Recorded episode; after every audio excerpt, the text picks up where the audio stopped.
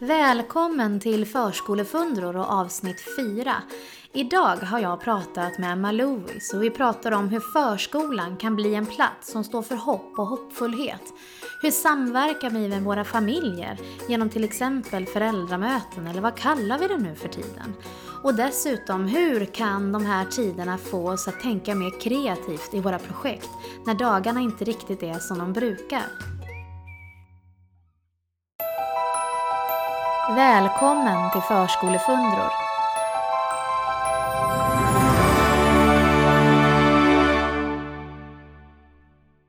Idag ska vi prata med Emma Lewis. Eh, och vi ska försöka nå varandra på Skype, testa lite nya sätt för att få bättre ljud än i förra podden. Eh, men det finns ju enormt många Emma Lewis på Skype. Inte visste jag att Emma Lewis var typ hela världsbefolkningen. Vi ska se här hur vi får tag på henne. Eh, vi gör så här istället. Nu ska vi se här. Emma. Det blir vanligt samtal istället, men det går ju faktiskt lika bra. Då ringer vi. Får vi se om hon, om hon svarar.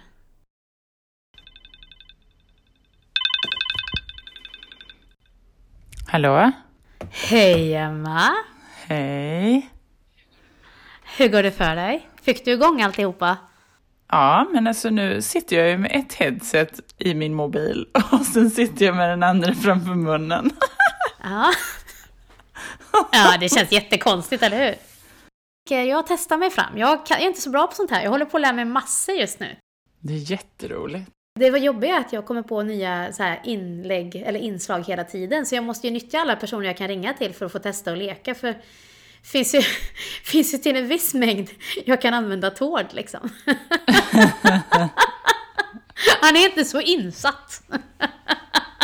Ja, precis.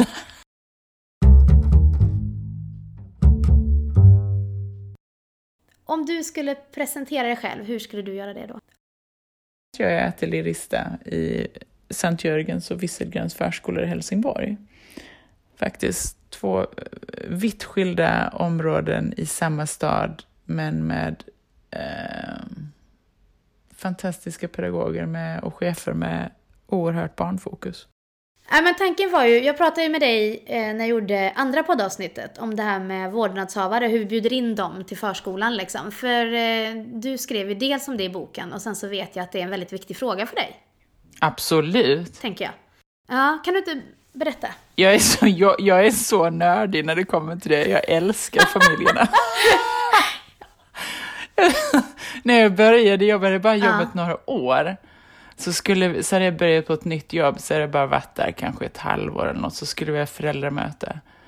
Då så här, gick jag upp tidigt på morgonen och skrev på min t-shirt så här, föräldramöte ikväll klockan 18.00. Och sen så gick jag ut i hallen på morgonen och bara ställde mig så här, bara, hej! Och sen om det var någon som sa så här, åh, vi kan tyvärr inte, då vände jag mig om, så på ryggen Nej, hade jag skrivit, tillsammans blir vi viktiga, eller något sånt där typ. Så att de fick jättemycket ångest, sen så kom det jättemånga. Fast jag tänkte ju den första, om man tog bort den här ångestgrejen i slutet, det är ju en ganska bra idé, en påminnelse om Det är liksom, om att skitroligt. Det här är viktigt för oss. Har du gjort det Exakt. igen sen eller? Nej, men sen har vi gjort så, vi har gjort så mycket roliga saker på föräldramötena så de kommer ändå. Kan du inte berätta något mer? Vad är det mer ni har gjort på föräldramötena? Ja, men vi försöker göra så mycket praktiskt som möjligt, speciellt på det som är på våren. Jag tänker på hösten så behöver vissa familjer, speciellt de som är helt nya, som har skolat in sina barn för första gången, de behöver ganska mycket så här, bara få sitta i, i dialog och försöka förstå vad förskolan är liksom. Men det kan man ju göra på många sätt. Eh, man behöver ju inte bara göra det genom att prata, utan jag tänker att dialogen är superviktig. Och dialogen kan ju ske på eh, det kan ju ske även praktiskt. Liksom. Men eh, man behöver ju hitta många olika sätt så att alla kan hitta något, alltså så att man känner sig bekväm, så man inte skrämmer bort familjer. Jag vet att när jag jobbade mm, så pratade vi om att ha, att lägga mer tid på att ha så kallade projektmöten istället och göra det lite mer regelbundet och lite kortare. Att det blir mer så här drop-in nästan. Klockan fyra kör vi ett projektmöte, här befinner vi oss i projektet och så. Sen, sen hann vi aldrig prova det. Jag vet inte om det hade varit en bra idé eller inte, men det var ändå ett alternativ till de här traditionella föräldramötena. För dels finns det så himla mycket förväntningar på föräldramöten. Att när man kommer till ett föräldramöte så räknar man som förälder kanske att det är de här sakerna som kommer lyftas, eller det här vill jag ha. Och pedagogerna, antingen så är man fast i den här strukturen om att det är nu vi ska berätta om att namna kläder, tider och att man ringer in. Antingen så är man lite fast i den här strukturen om att man tänker att det här vill nog vårdnadshavarna ha, eller föräldrarna.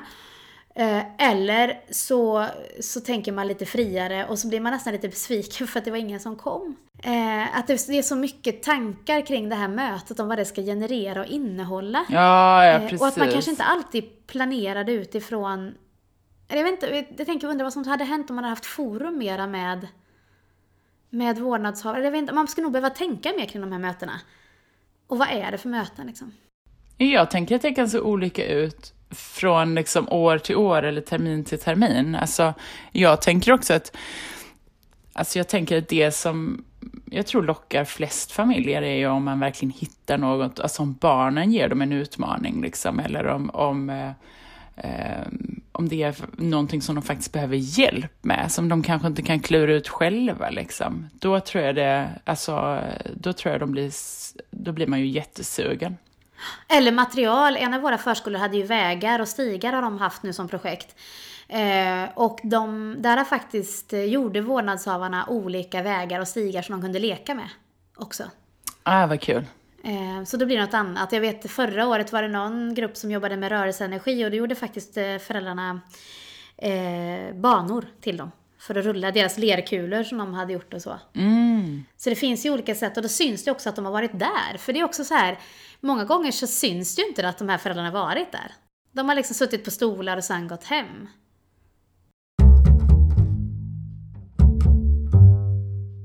Men du, jag måste fråga, vad säger du vårdnadshavare eller föräldrar? För det där tycker jag är så himla svårt. Jag försöker säga vårdnadshavare. Eller kanske egentligen beror på forum, men, men föräldrar känns ju mycket mera eh, intimt, eller liksom mera relationsmässigt, inte så byråkratiskt liksom. Har ni tänkt på det mycket? Ja, men vi har pratat mycket om det, att vi försöker säga vårdnadshavare, men sen så är det ju så att vi har ju också föräldrar. Alltså, men det är väl det att man vill att alla ska känna sig inkluderade liksom. Men, eh, men det är någonting konstigt med det här ordet vårdnadshavare som får det och liksom inte det riktigt, man säger det ofta eller skriver det ofta i början och sen tappar man bort det liksom. Så helt plötsligt så märker man att man själv skriver föräldrar liksom.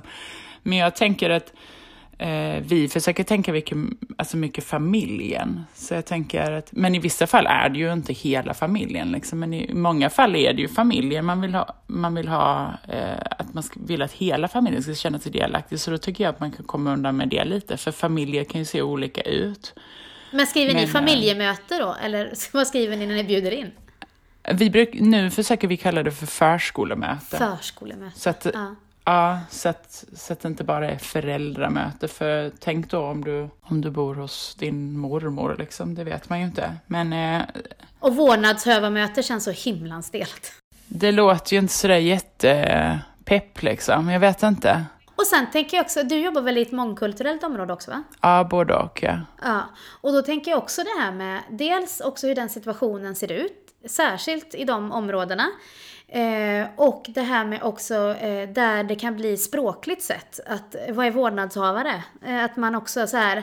Ja men exakt. Det blir ett statligt ord och det vet jag när jag jobbade också i västra, det här när man eh, eh ute i de här utsatta områdena där att man tyckte det var att, få, att gå till socialen eller socialtjänsten eh, eller sådär att det det var väldigt läskigt för många av de här familjerna för man var orolig för att man, någon skulle ta barnen eller att det är liksom, vad är, ska man gå dit? Alltså det fanns en viss eh, viss eh, rädsla liksom. Så att de gjorde så att de bjöd in de här yrkeskategorierna så att de satt liksom i hallen. Som, så att när man kom och hämtade så satt de där och berättade om vad de gjorde och sådär. Att man, man tog bort den, eh, den distansieringen mm -hmm. någonstans. För det blir ju en distans mm. när man går till, till ett kontor liksom, där det sitter en, stat, en person från staten som eh, och, och, så kanske man kommer från en kultur där det här inte är ja, precis, vanligt förekommande. Precis. Då kan ju Sverige ses väldigt, ja. väldigt eh, formellt och väldigt så liksom styrt, så jag kan tänka mig det.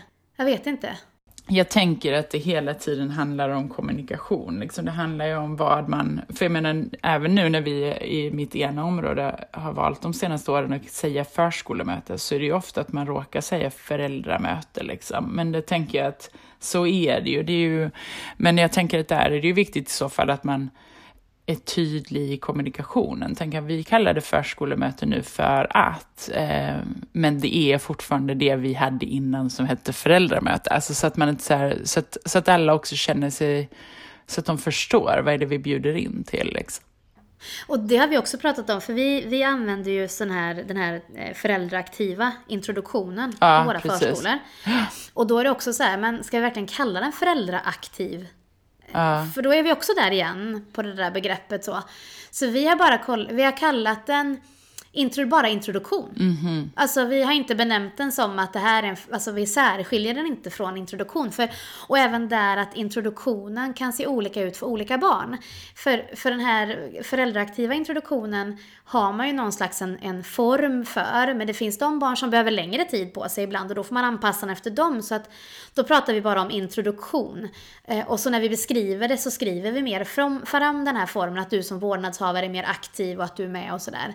Eh, men det är lätt att säga föräldraaktiv introduktion för då vet alla inom våran, eh, i våran yrke, då vet alla de vad vi menar.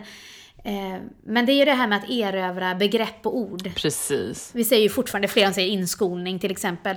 Trots att det har stått sen, är det sen 2010?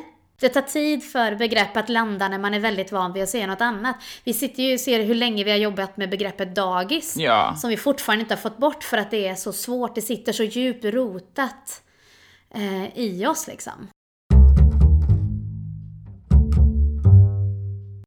Men du, jag tänkte på det här, egentligen det som jag tänkte eh, prata med dig om, det var det här med social distansiering. Apropå grejer nu.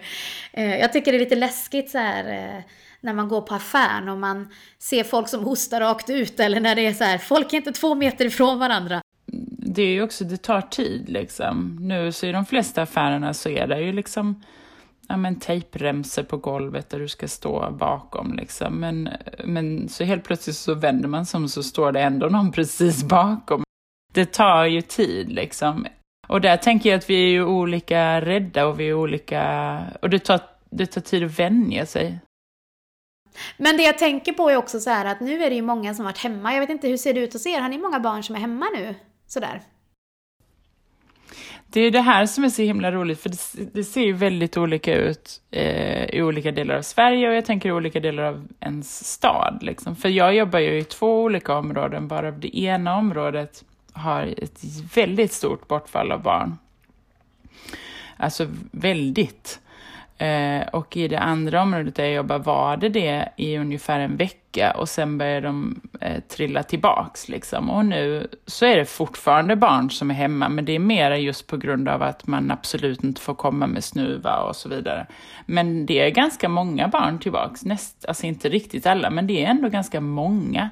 Och där, eh, men där det också då fattas personal, för vi behöver ju också vara lika eh, ordentliga med att följa Eh, reglerna. Liksom.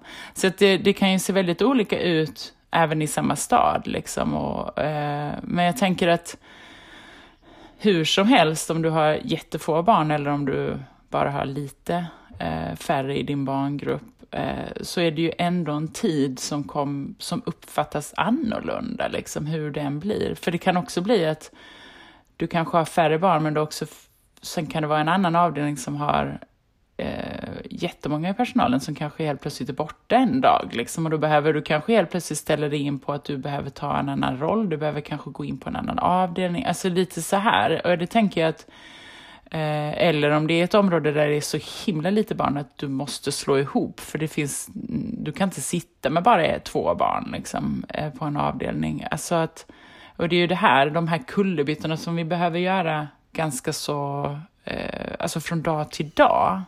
Mm. Och det har ju vi samma sak hos oss också. Det är precis exakt samma. Det här att man vet inte riktigt hur ens arbetssituation kommer se ut imorgon. eh, men där tänker jag så här, har ni de här barnen som varit hemma nu då? För vi har också haft barn som varit hemma i nästan fyra veckor liksom.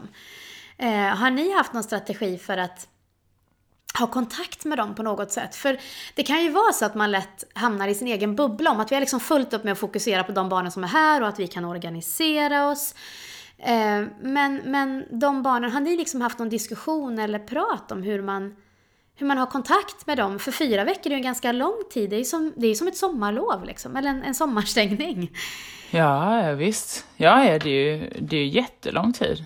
Och för ett litet barn, tänker jag. jag tänker att eh, speciellt i det ena området där jag är verksam i då, som har eh, väldigt många barn hemma, där det var ganska så snabbt som, som liksom ledningen där började diskutera liksom, hur ska vi göra för att eh, locka dem tillbaks, liksom för att eh, eh, det här kan ju pågå väldigt, väldigt länge. Det är ju det vi nu förstår, att det här kommer ju kanske hålla på ett halvår eller ett år och så länge eh, behöver man ju inte vara hemma från förskolan om man är frisk. Liksom. Men sam, samtidigt som det är en, en hårfin gräns, för man måste också respektera människors oro. Men man, eh, de gick ut ganska tidigt med att skriva till alla vårdnadshavare liksom att, eh, att eh, ni är välkomna på förskolan. Eh, Liksom det här är riktlinjerna, men, men vi finns här för er och, och verksamheten är igång som vanligt. Liksom. Eh, och de har gjort, eh, jag tycker det är härligt, men det är ju samma som när man, det, jag tycker faktiskt man märker det när man är ute nu på många olika Instagram-konton och det ena, alltså det, eller Facebook eller var som helst, liksom, att det sker ju så himla mycket kreativitet just nu i de här tiderna. Så att, det, jag tycker ändå det är så himla imponerande hur man ser hur pedagoger ja. eh, verkligen försöker locka eller vara ännu mer aktiva på Instagram till exempel. Och jag tycker det är så himla roligt att se, för där har de verkligen varit tvungna att gå ut och satsa jättemycket på att lägga ut och berätta om sin verksamhet eh, mycket oftare. För att Eh, för att locka barn till, familjer tillbaks eh, och barn, men också för de som inte kommer komma tillbaks, att bara ge dem, få dem att känna sig delaktiga liksom, och få en inblick i verksamheten även hemifrån. Ja, ja för det tänker jag just det här med också hur, för gruppen någonstans, att det här med att, vad är förskolans roll någonstans också i det här samhället? Alltså det som händer när allt det här händer. Vad blir förskolans roll i det här? Och där tänker jag att vi har ett viktigt uppdrag i att, att visa på hopp. Otroligt viktigt. Eh, att det här med att kom. Ja. Ni är välkomna. Ja. Om ni är friska, kom. Ja. Eh, om ni är lite oroliga, ni är på bättringsvägen kanske, kan vi mötas ute? Vi går. Eller det här med att man packar ihop liksom en, en, en picknickväska. Eller, alltså, ibland så får man... Jag, jag har precis skickat ut ett mejl till våra pedagoger som håller på och arbetar och förstår det här med projekt, långa projekt. Och för dem blir det ju en slags... Eh, eh, en, att man går tillbaka till ett, ett äldre arbetssätt. För det är svårt att hitta former. Man kan inte jobba i de här långa projekten utan jag har skrivit till dem att jobba i miniprojekt. Vecka till vecka. Ni har de barnen ni har framför er. Träna på att observera och gör det och det och så. Och där tänker jag också att man kanske får gå tillbaka till att men på torsdagar så går vi till den här parken. Och, och så skicka ut det till de som är hemma. De som är fri, någorlunda friska och kan, vi kommer vara utomhus Alltså jag vet inte om det är fel, om det är en fel uppmuntran kanske, jag vet inte. Men, eller liksom på något sätt ja, lyfta blicken. Eh, att eh, prova skypa, lägga ut eh, klipp. Jag vet, jag såg några pedagoger som har läst in sagor och skickat ut. Att man skapar röda trådar till de som är hemma snarare än att kapa dem och tänka att nu när ni kommer tillbaka så är ni friska, då kan ni vara en del av vår verksamhet, men inte nu. Sen kan jag förstå att det är att levla upp tanken och kanske något man inte riktigt orkar, precis som du säger, att förståelse för den arbetssituation som våra pedagoger har nu. Men det här med att hur öppnar vi upp och skapar så att det blir meningsfullt? Att vi kanske nu lyfter förskolans roll i samhället snarare än vad gör vi varje dag på vår förskola? Utan hur visar vi på det här hoppet att världen kommer att fortsätta? Den kommer mm. inte att gå under men vi går igenom en svår tung period nu. Att förskolan kan vara en spindel i nätet för den här hoppfullheten. Mm.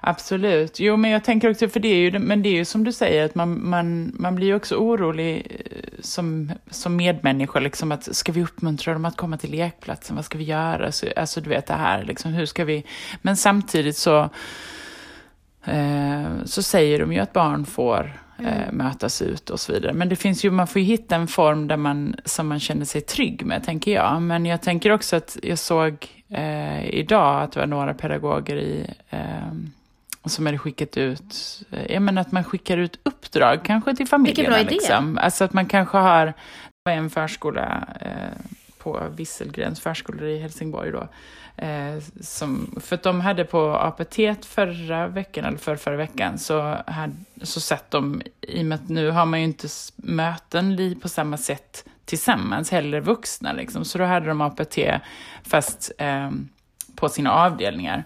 Och så eh, gjorde eh, rektorn en film som vi, som vi delade ut till alla pedagoger. Så alla var tvungna att titta på den här filmen först och sen fick de olika diskussionsfrågor och så vidare. Och så vidare. Men så även under kvällen så skulle de också gå in i, eh, i en mentimeter och skriva Eh, Eh, hur, kan vi liksom, hur kan vi skapa delaktighet bland familjerna, bland de barnen som är hemma? Alltså, Så kunde liksom alla de här avdelningarna som satt utspridda på sina förskolor liksom i Mentimeter smitta varandra också. Ah, vi kan skicka ut att vi ses i den här parken eller vi kan skicka ut att de ska eh, gå ut och leta upp kanske en insekt som de fotar med mobilen som de skickar till oss med en tanke från barnet och så vidare. Och så, vidare. så att man kan ju skicka ut uppdrag liksom kanske och på så vis eh, inte träffas mm, och ändå eh, inte behöva eh, komma tillbaka till förskolan om man inte vill eller kan men ändå känna att man bidrar till projektet kanske. Just nu kanske vi håller på och är väldigt mycket bland och tittar på insekterna, men då kan du som är hemma också visa vad du har sett på din balkong till exempel. Ja, och så vidare. Så att det finns ju många, eh, många spännande sätt att bjuda in, tänker jag. Ja, och där, jag tror att det kommer väckas. Jag tror att också det här med, ju längre vi är i den här tiden, så kommer de, de, den kreativiteten kommer att väckas. För vi, jag tror att vi måste känna också att när vi, att när vi är på förskolan så måste vi också göra skillnad för de barnen som är där också. Och för de som är hemma. Men jag tänker att just nu så är det de, vi har mest fokus på att försöka, tror jag, hantera situationen, förstå den, anpassa. Nu är vi i en anpassningsskede. Och när vi har kommit igenom det så kommer det vara lättare att tänka den här kreativa kreativa banan. Och jag tänker också på så här kvällsmöten. Jag pratade också med Katinka i förra avsnittet om det här med att vi har flippat möten. Och det tänker jag så här, mm. APT till exempel. När mycket, många APT handlar om att alla ska få samma information vid samma tillfälle. Men vad hade hänt om man hade tänkt att ja, viktig information, den får ni, den här filmen, den är 10 minuter. Här går vi igenom allting som ni ska ha sett och har liksom förstått tills vi möts. Och när vi väl möts, då tar vi den här riktiga, viktiga delen, alltså kör diskussionen. Eh, för vi pratade också med Katinka om det, det här att det är så lätt att man sitter av tid när vi ska titta på något tillsammans. Tid som vi faktiskt egentligen hade kunnat lägga på något annat sätt. Och när vi väl möts och har tid att för en gång skulle sitta ner utan att vi måste tänka på att någon ska upp eller vi måste gå tillbaka till barngruppen eller så. Att man faktiskt då tar sig tid att här, den här tiden är viktig för att diskutera. Titta på den här informationsfilmen som vi alla måste göra på 10 minuter. Det kan jag ha en planeringstid som jag kan göra, eller jag kan börja en halvtimme tidigare och hinna göra den då någonstans. Jag vet inte, men mm. tänka nya sätt, mm. nya kreativa sätt. Jag tror vi har varit någonstans i det. Vi har ju varit på gång någonstans.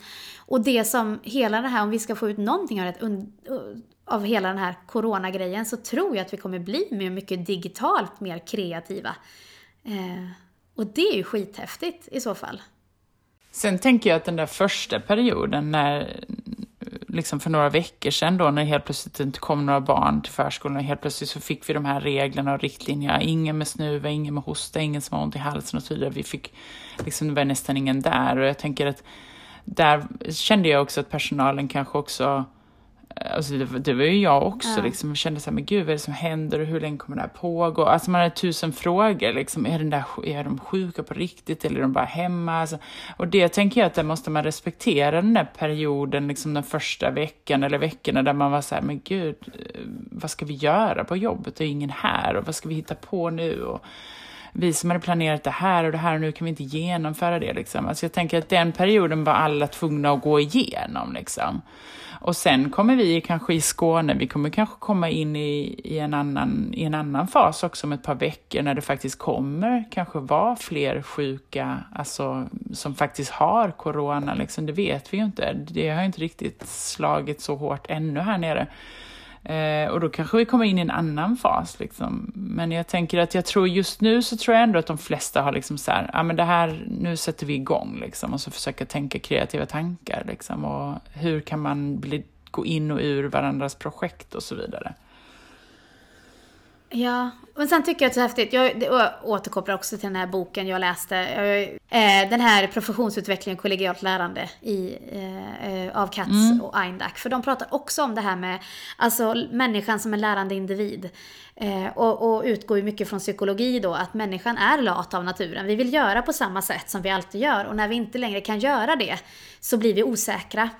Och eh, så när nya saker sätter igång då så blir man osäker. Så jag tänker också att den här, den här oron eh, som vi har eh, även i, eh, eh, kring det här med Corona kanske också är en del, också en oro i att vi måste förändra vårt sätt att arbeta.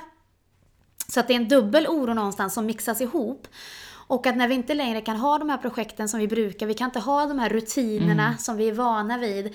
För vi är rutinmänniskor. Vi, vi, vi, vi behöver vissa ramar för att kunna förhålla oss. Och när de försvinner så blir man ju någonstans som en människa på ett guppande hav och har ödmjukhet och respekt och, och, och som du säger där, att tillåtelse för det.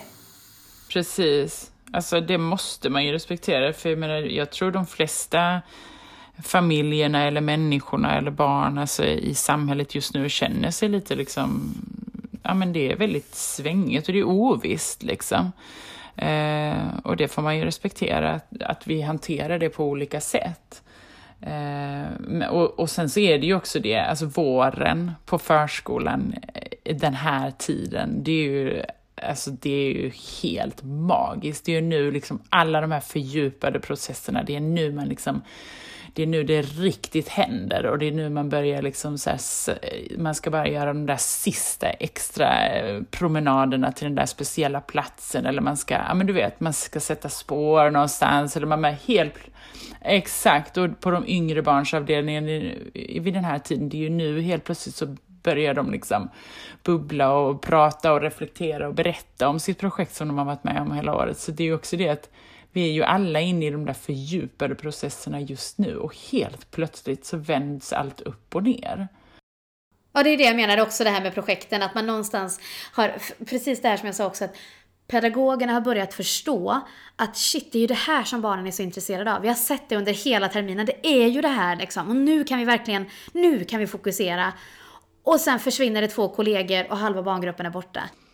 Men jag tänker, ja, men jag tänker också för min son fick vara hemma två veckor från skolan. Och jag tycker också det, på grund av hosta liksom, men jag tycker också det var så himla vackert hur han bara, han längtade tillbaks till skolan, han längtade tillbaks till sin lärare och bara... Vad härligt. Alltså jag tänker bara hur, det, det, jag ser bara tänker på alla de där barnen som nu är hemma i så många, många veckor och kanske har föräldrar som inte vågar släppa tillbaka dem alls, alltså som vill hålla dem hemma ända till sommaren. Liksom. Jag tänker att vi, det är också så viktigt, alltså vi, det är så eh, sammanhangen och kompisarna och de vuxna och alltså tänk, ja jag tror också som du säger innan, liksom att helt plötsligt så kommer kanske vi få syn på hur viktigt förskolan och skolan är på ett annat sätt. Liksom.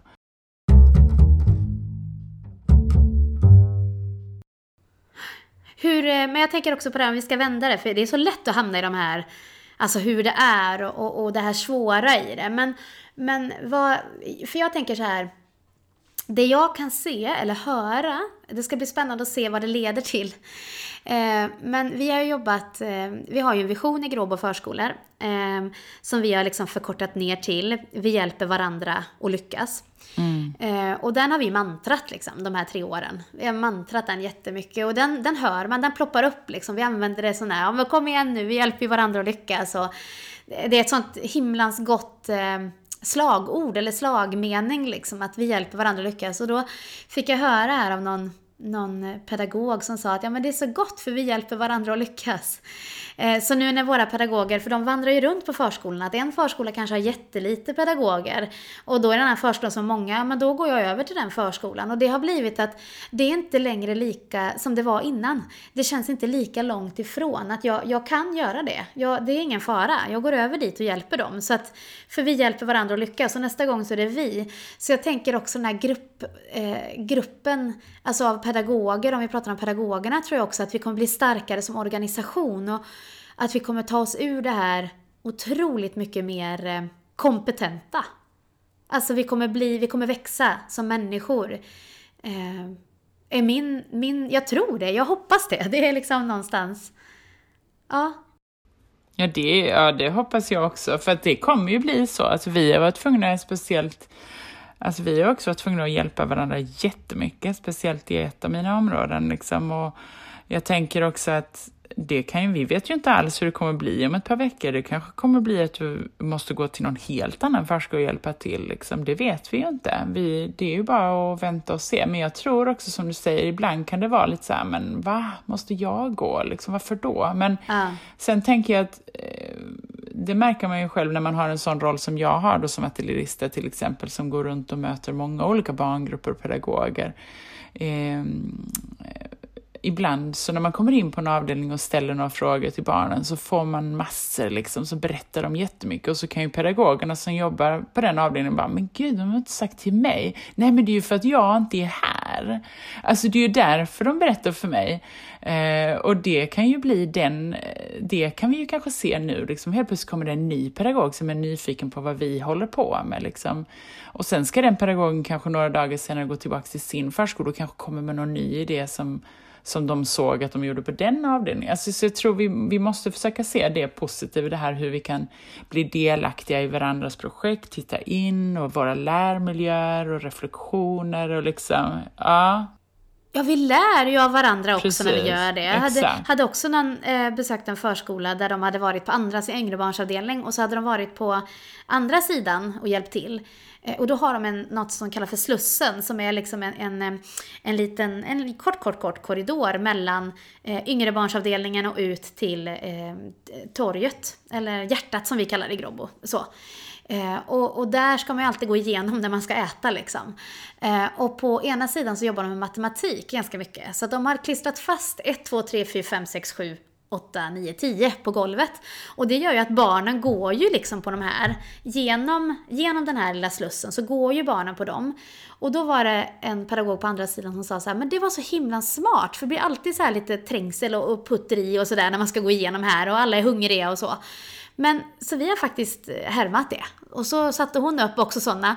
Och så blev det så här, ja men vad, ro, vad fint liksom. Vi smittar, vi, vi kan använda smittbegreppet här också. Att vi smittar varandra till att få en insyn på andra sätt. Eller att jag ser, aha nu fattar jag vad det är de har gjort hela tiden. För jag har inte förstått det här varför de alltid går ut innan projektet. Eller varför gör de alltid så här och så. För vi, vi, vi, vi, vi är ju som människor ganska fördomsfulla.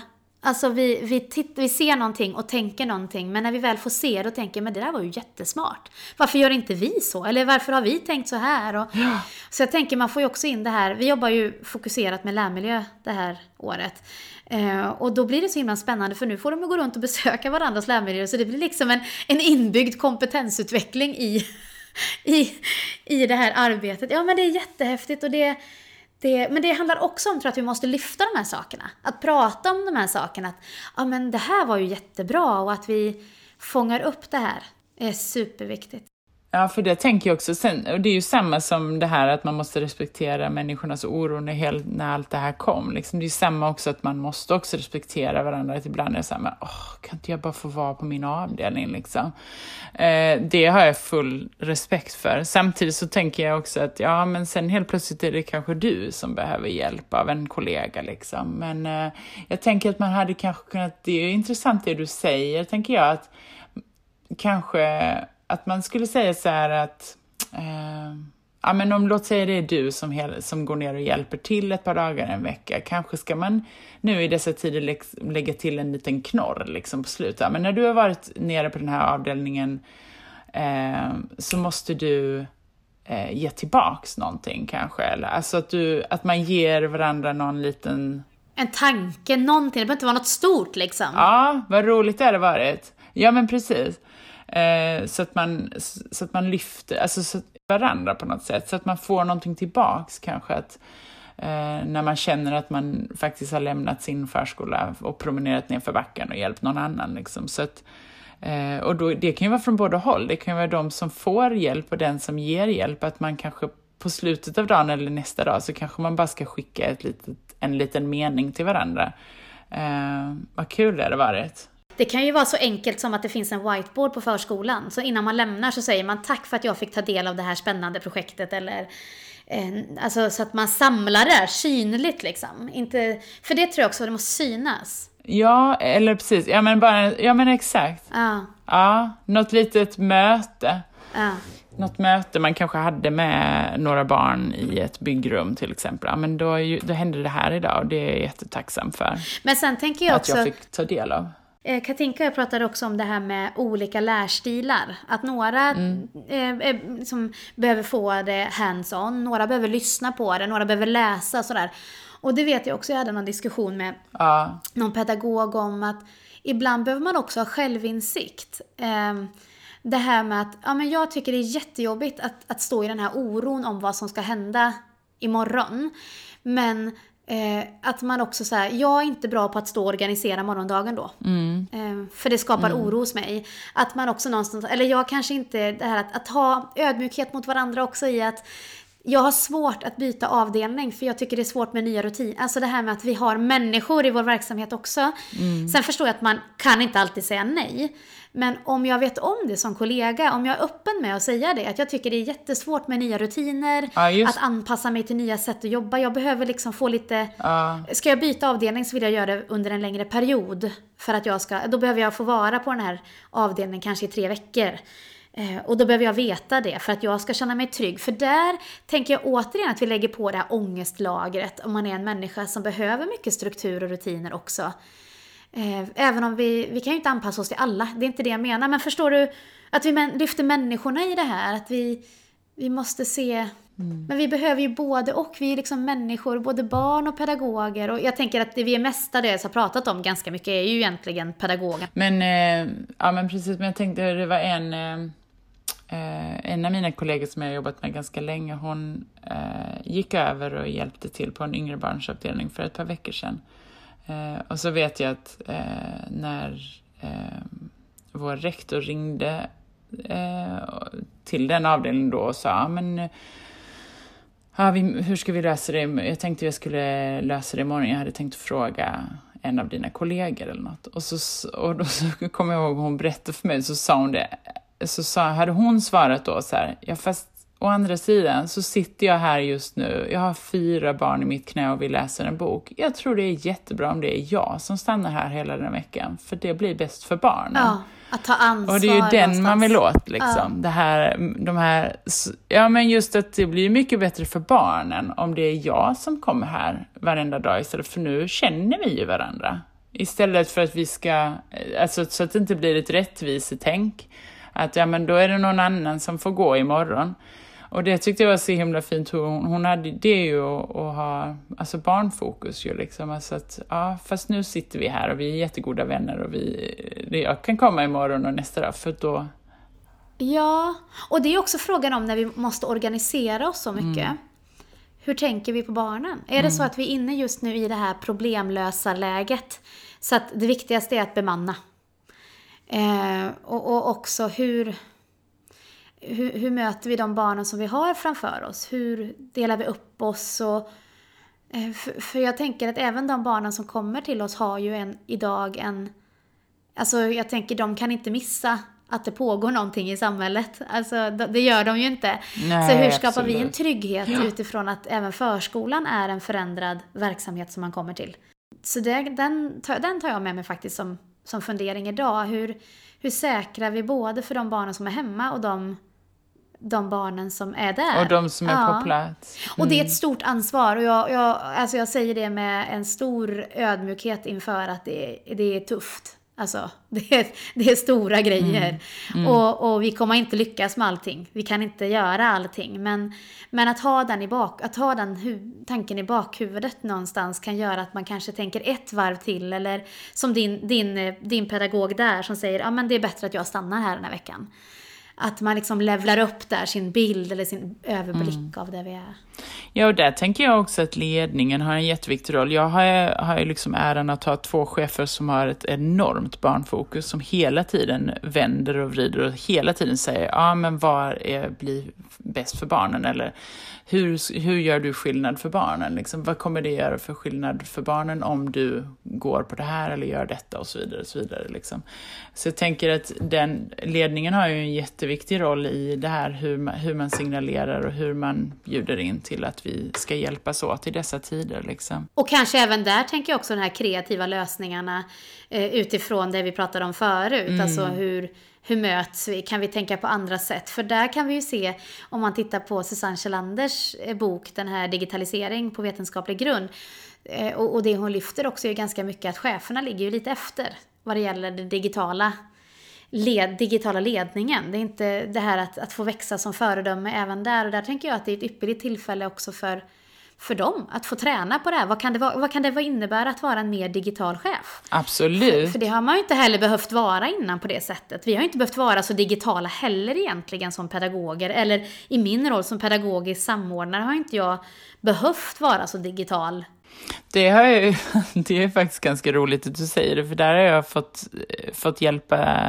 till ett par gånger de senaste veckorna, för att just för att cheferna har, fått, har varit tvungna att bli så himla kreativa och det, det har ju varit jätteroligt. Vi har gjort filmer liksom och lagt upp i och delat med pedagogerna. Jag tycker det är superroligt och nästa vecka ska vi ha eh, Ehm, kompetensutvecklingsdag. Liksom, eh, två områden, ja, båda de områden som jag är verksam i. Vi skulle egentligen haft en dag tillsammans, men nu blir inte det av. Men nu så kommer vi göra det via Skype istället, liksom, så att pedagogerna kommer vara tvungna att ringa varandra och de har aldrig setts. Liksom. Några av dem kanske vet inte vem de är. Liksom, så här, nu ska du ringa den här och så har vi skrivit du ska ringa bla bla bla. Liksom. Så ska de leta upp varandra och ringa varandra och ha spännande dialoger. Och det tycker jag också är så roligt hur ah.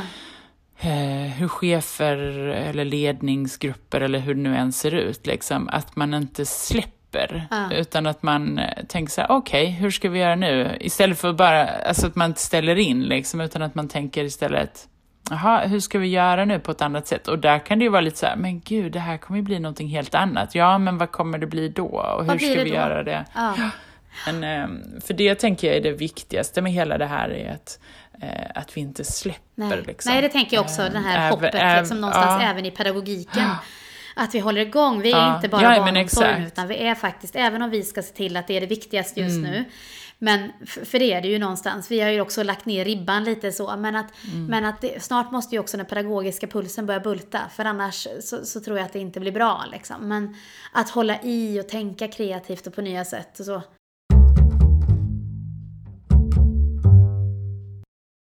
Min, min, eh, min gubbe satt ju och skrattade åt mig för häromdagen så satt vi var på, åkte iväg till affären och skulle köpa jord. Och då ringde min specialpedagog som har lånat min telefon för hennes telefon funkar inte. Så hon har lånat min, alltså min fysiska telefon och lagt in sitt simkort och sådär. Så hon ringde och ställde frågor om, ja men hur gör jag med det här och det här och det här? Och så satt jag och berättade. Och sen så när vi kom hem så, så, så ringde min chef som skulle ha ett hangout med ett arbetslag och sådär. Eh, ja, men jag får inte igång ljudet, hur gör jag då? Så, så satt jag och körde teknisk support där också. Så frågade min gubbe, han satt i soffan och sa så här, men du, eh, Jobbar du på IT-avdelningen eller? Men allting är ju så nytt och det här, jag kan ju inte heller. Jag menar, eh, den här podden är ju faktiskt ett sätt för mig att få ett, ett, ett utlopp för någonting som har väckts i i hela det här. Jag tänker att eh, jag hade nog inte startat podden om inte jag hade börjat med mina flippade möten igen. Jag har gjort ett eller två innan för våra pedagoger. Men här var det nödvändighet för vår utvecklingsprocess. Att inte de här två sista grupperna som inte haft mötet, ska vi liksom bara släppa ja. allting? Då dör ju vi sakta men säkert. Eh, så nu flippade vi även möte nummer två, som alla har fått ut och så.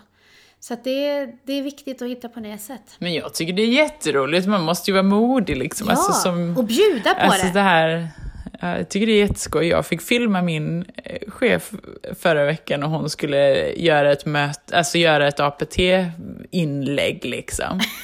Och så himla modigt, bara så här klickar vi igång och så bara står det och stirrar på henne när hon satt och pratade. Och hon gjorde det så ah. sjukt bra. Men eh, det är också det här att vi får, vi får bjuda på varandra och på oss själva. Och eh, jag tycker det är jätteskoj. Och sen är det så roligt, jag kan också ta, jag brukar, jag, jag, jag, brukar ta som vana att jag bjuder mycket på mig själv, för jag är verkligen en sån här jättebra tabbemänniska. Men vi spelade in också en rekryteringsfilm för Gråbo förskolor också när vi sökte, när jag började där. Och mm. pedagogerna var grymma liksom. Eh, de var så duktiga. Och sen så filmade jag cheferna så lite random när jag kom in på deras kontor. Och sen så skulle jag filma mig själv där jag liksom någonstans drog igenom, ja men vi har de här, vi erbjuder det här och det här och sådär. Och jag var så stel. Alltså jag var den stelaste i hela filmen och då är jag en van föreläsare och sådär. Men jag kom in i föreläsarmode så det blev inte alls lika bra. Så den, den kan jag stå och skratta åt. Jag brukar säga dela den inte för jag är så, jag är så kass i den. Men jag tänker att eh, jag pratade också med en annan person här som jag vill ska vara med i podden. Ja, men jag kan ju inte det här. Nej, men jag kan inte heller det här. Kan vi inte bara prata om det? För vi måste våga säga att vi inte kan allting. Och, och därför blir ju också den här podden tänker jag är också ett sätt för mig att visa på att även om man står där uppe och föreläser och folk tror att man är expert på saker, och bara nej men det är jag inte.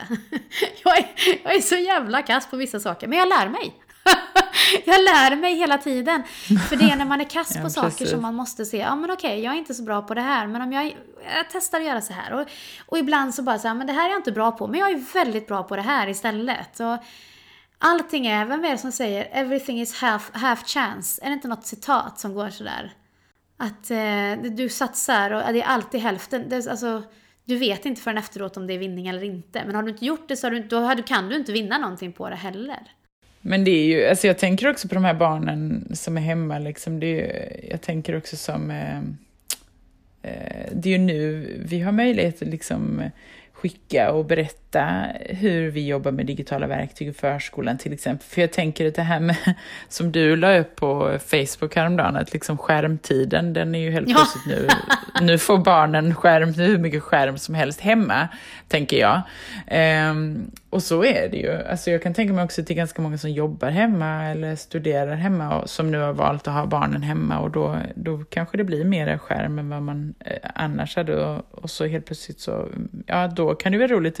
Så jag såg att, ja. eh, jag såg att Rå förskola här i Helsingborg hade det lagt ut liksom på sitt Instagram. Ja, men de här apparna använder vi i förskolan och det finns instruktionsfilmer på Youtube. Testa det hemma, barnen kan liksom och om ni vill vara kreativa. Och så var det ju liksom green screen och stop motion och ja, men det som vi jobbar med i förskolan. Så det är så himla roligt när man eh, alltså på, kan ge dem möjligheter att hitta nya vägar hemma men också inspirera och berätta om vad vi gör på förskolan samtidigt. Liksom. Jag tycker det är jättekul. Så det finns ju, det finns ju massor med möjligheter nu. Och nu är det verkligen, det är nu vi kan vara hur kreativa som helst. Ja, och faktiskt till viss del när också de här pedagogiska kraven någonstans också har sänkts lite på vad man ska prestera. För det ska vi inte sticka under stolen med. Alltså när, när det är vanlig ordinarie verksamhet, då jobbar vi mycket mer med kvalitetsarbete på det sättet att vi har rutiner och allt det här. Alltså det här som ligger liksom som ordinarie Eh, verksamhet någonstans. Men nu när vi sänker ribban på det för att vi ska orka och sådär, så får vi möjlighet att också kanske bygga in den här kreativiteten in någonstans in i våran verksamhet. För jag tänker också på det, nu är jag, eh, alltså min hjärna är ganska ritsomatisk så jag hoppar ju hejvilt ibland. Men jag gör också en koppling till det här med handledning. Mm. För jag tänker på det här med, jag är ju en jättestrukturmänniska, jag sticker inte med det under stolen. Jag är väldigt kontrollerande och jag gillar liksom struktur och form. Det är kanske är därför jag tänker lite extra på de här strukturmänniskorna i sådana här tider. Men, men, eh, och jag läser ju en handledarutbildning nu på, på universitetet. Och där finns det, Emsheimer och Jöl har skrivit en bok och där pratar de om att i slutet så finns det handledning i ett livssammanhang, tror jag de pratar om. Och där menar de på att handledaren har ju som fokus att man vill gå in i liksom och, och stötta den här personen man handleder till att utvecklas och sådär. Men att formen i sig, bara att man vill gå in och göra det, eh, gör att nyfikenheten inte får samma utrymme. För att man har redan bestämt att man vill komma in och utveckla någonting. Att det är svårare att komma in och att mötet blir vad det blir. Ja, ja, ja. Eh, ja det här ja. att bara mötas, en annan människa. Att genuin nyfikenhet, eh, när man redan har ett mål med samtalet, så, så försvinner den. Hänger du med på, eller inte försvinner tror jag inte de skriver, men förstår du den? Så att jag tänker att det är lite samma sak där, att, att när vår verksamhet blir för strukturerad, för form, formad liksom, så kanske vi också tappar innehållet, värdet i det vi gör. Och det kanske någonstans får en möjlighet att blomma nu när vi inte behöver vara så fokuserade på den här formen att den här tiden är det projekttid och det är de här barnen och det är den här strukturen och sådär. Eller att våran kreativitet i organisationen också spiller över på ett pedagogiskt innehåll som blir mer kreativt. Vi hade en pedagog som för förra veckan åkte, de skulle åka till en värme, de har, vi har en värmecentral i Gråbo som har väckt jättemycket nyfikenhet i flera av våra äldrebarnsgrupper. Och, och då hade de tänkt att åka till värmecentralen i Lerum.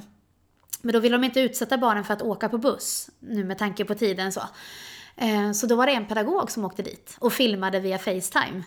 Eh, så barnen kunde vara med liksom, där, fast in digital life istället och sådär. Och då tänker jag så här, och den, jag kan tänka mig att både som pedagog, att man fick upp ett nytt öga på vad som är möjligt att göra.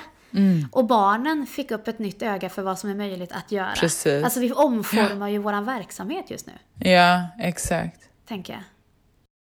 Precis. Jo, men det sa jag också att det var en förskola här som, eh, som hade åkt ner.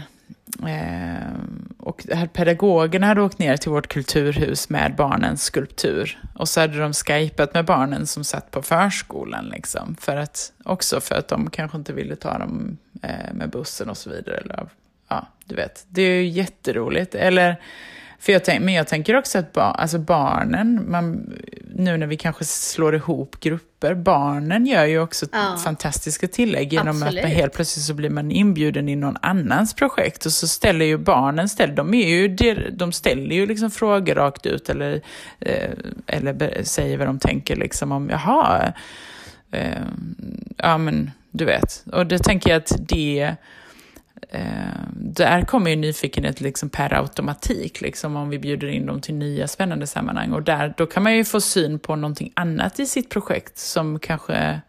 Och det tänker jag är jättespännande nu, när man får gå in och ut ur projekt. Ja, och som pedagog också att man tillåter sig att sitta och lyssna lite. Mm. Att låta, ha tillit till att barnen berättar det som är intressant för dem.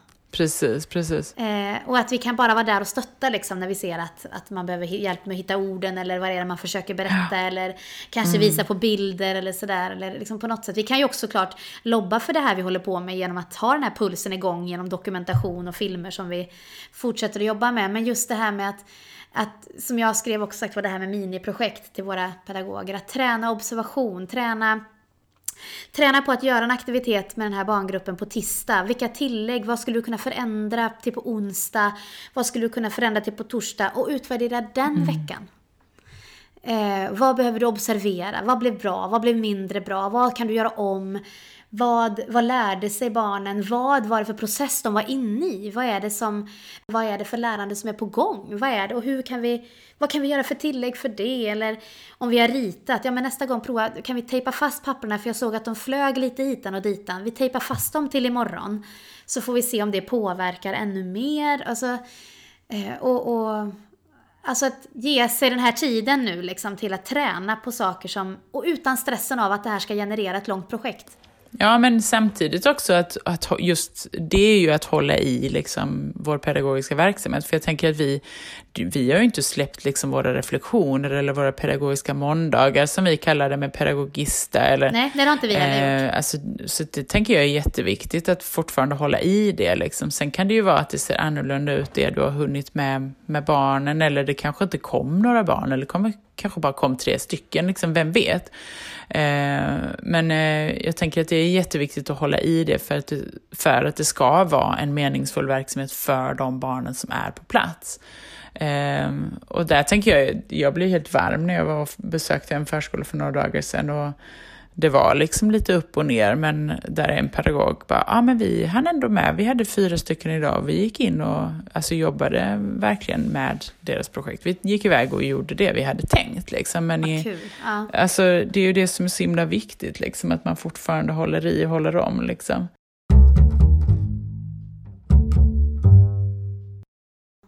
Ja, det är spännande. Hörde du, ehm, Emma, nu behöver jag bryta, mm. bryta vårt samtal här, för nu har vi hållit på snart i en timme. Ja. det flödar ju på här, alltid liksom. Eh, men jag vill också, vad tänker du att du tar med dig från, från vårt samtal? Har du någonting som du tar med dig sådär, som du tänker, det här? Ja, men jag tänker nog att jag bara tar med mig just att, eh, att, man, att jag känner mig hoppfull ändå. För jag känner att vi har ju ingen aning om hur, det här, hur länge det här ska hålla på. Liksom, vi vet inte någonting. Eh, och det kan, där kan man ju känna sig rätt så hopplös ibland, liksom. vissa dagar när man vaknar. Men jag tänker att det är så himla viktigt att eh, i, alltså i dialogen så möts man ju av nya tankar och man tänker eh, att eh, shit vad kul det är att det fortfarande händer så mycket i förskolan. Men också just nu att vi behöver verkligen eh, det är ju verkligen nu som vi behöver titta ut och se vad gör andra? För att eh, när man kommer in i den här oron och liksom den här uh, att det är då man behöver vara nyfikna på varandra och se ja, men hur gör de, hur har de lyckats med det här nu? Och, ja, och verkligen eh, smittas av det. De har ett projekt i eh, Lerums kommun nu, vi har ju något som heter Växtrum. Eh, och där har de Gud, nu, har jag inte, nu är jag jätteoplanerad här för jag har inte med mig den informationen. Men de har som projekt att eh, skapa kvadratytor med grön, med, eh, för att få igång det här med bin och med blommor och gröna ytor och sådär. Så de har gett som uppmaning att man ska skaffa sig en yta. Eh, där, en, en kvadratmeter. Eh, där man planterar och grön, låter grönskan, typ på en asfaltbit eller att det är liksom så här Eh, så som jag har förstått det liksom. Eh, och det jag tänker också ett sånt sätt som, som man skulle kunna göra, att gå ut, alltså, ta, ta torget på stan liksom. Men det här, om, om, man bor i en liten stad eller kanske utanför förskolan eller, eller någonstans liksom. Ta en plats, bygg upp det här, plantera. Eh, jag vet att när vi var nere i, i Basarajana som jag har varit en del, så berättade de att under den här tiden när, de, när det blev så mycket arbetslöshet där, de planterade grönytor. De hade som en, liksom en, en de gjorde ett, en kolonilott. Så att även de som, som blev arbetslösa kunde mötas upp där. De gjorde som en metropol så att man kunde liksom, att visa på, förskolan tog ansvar för att samhället skulle kunna mötas. Och där tänker jag det här med små, små saker vi kan lämna på stan, att synliggöra förskolan, att, att eh, vi, förskolan har hopp, barnen har hopp, vi har hopp. Precis. Det är det, vi, har, vi har ju blivit tvungna nu i Sankt Jörgens förskola att liksom tänka om kring förskolans dag och då har vi också massa sådana jättefina hoppfulla små spår vi tänker eh, placera ut. Eh, för att det blev, det blev ju inte så som vi brukar göra. Alltså vi brukar alltid ha ett ett olikt program varenda år, men vi brukar ändå alla alltså, träffas tillsammans. Och nu får vi inte göra det för vi är fler än 50 pers. Liksom.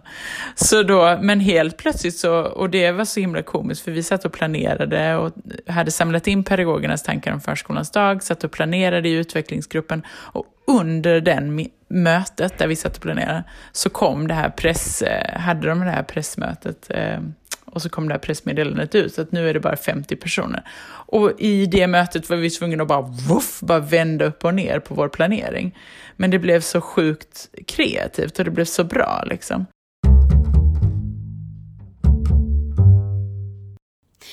Eh, ja men du Emma, tack så jättemycket för att du var med. Tack så jättemycket för att jag fick vara med. Det var jättekul att prata. Ja, eller hur? Det var jätteintressant. Jag känner mig jätteuppfylld nu. Hoppfull och... Ja, men det behövde vi. Ja, det var bra. Det här var bra.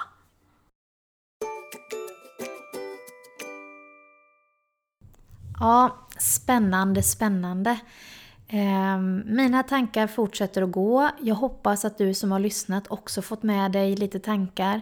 Dela gärna om ni har några tankar och sådär. Och jag vill också passa på, och apropå delandet, säga tack för alla hurrarop och, och kommentarer som har kommit in och mejl och sådär. Eh, jätteroligt att podden är så uppskattad eh, och jag hoppas att den kommer fortsätta vara det. Jag har redan lite idéer i huvudet och sådär så, så stay tuned och vänta in och se vad som kommer härnäst. Eh, och därmed så vill jag säga tack för idag och tack för att du lyssnade. Och kom ihåg, du gör ett grymt jobb och du gör skillnad för barnen i vårt samhälle. Hej!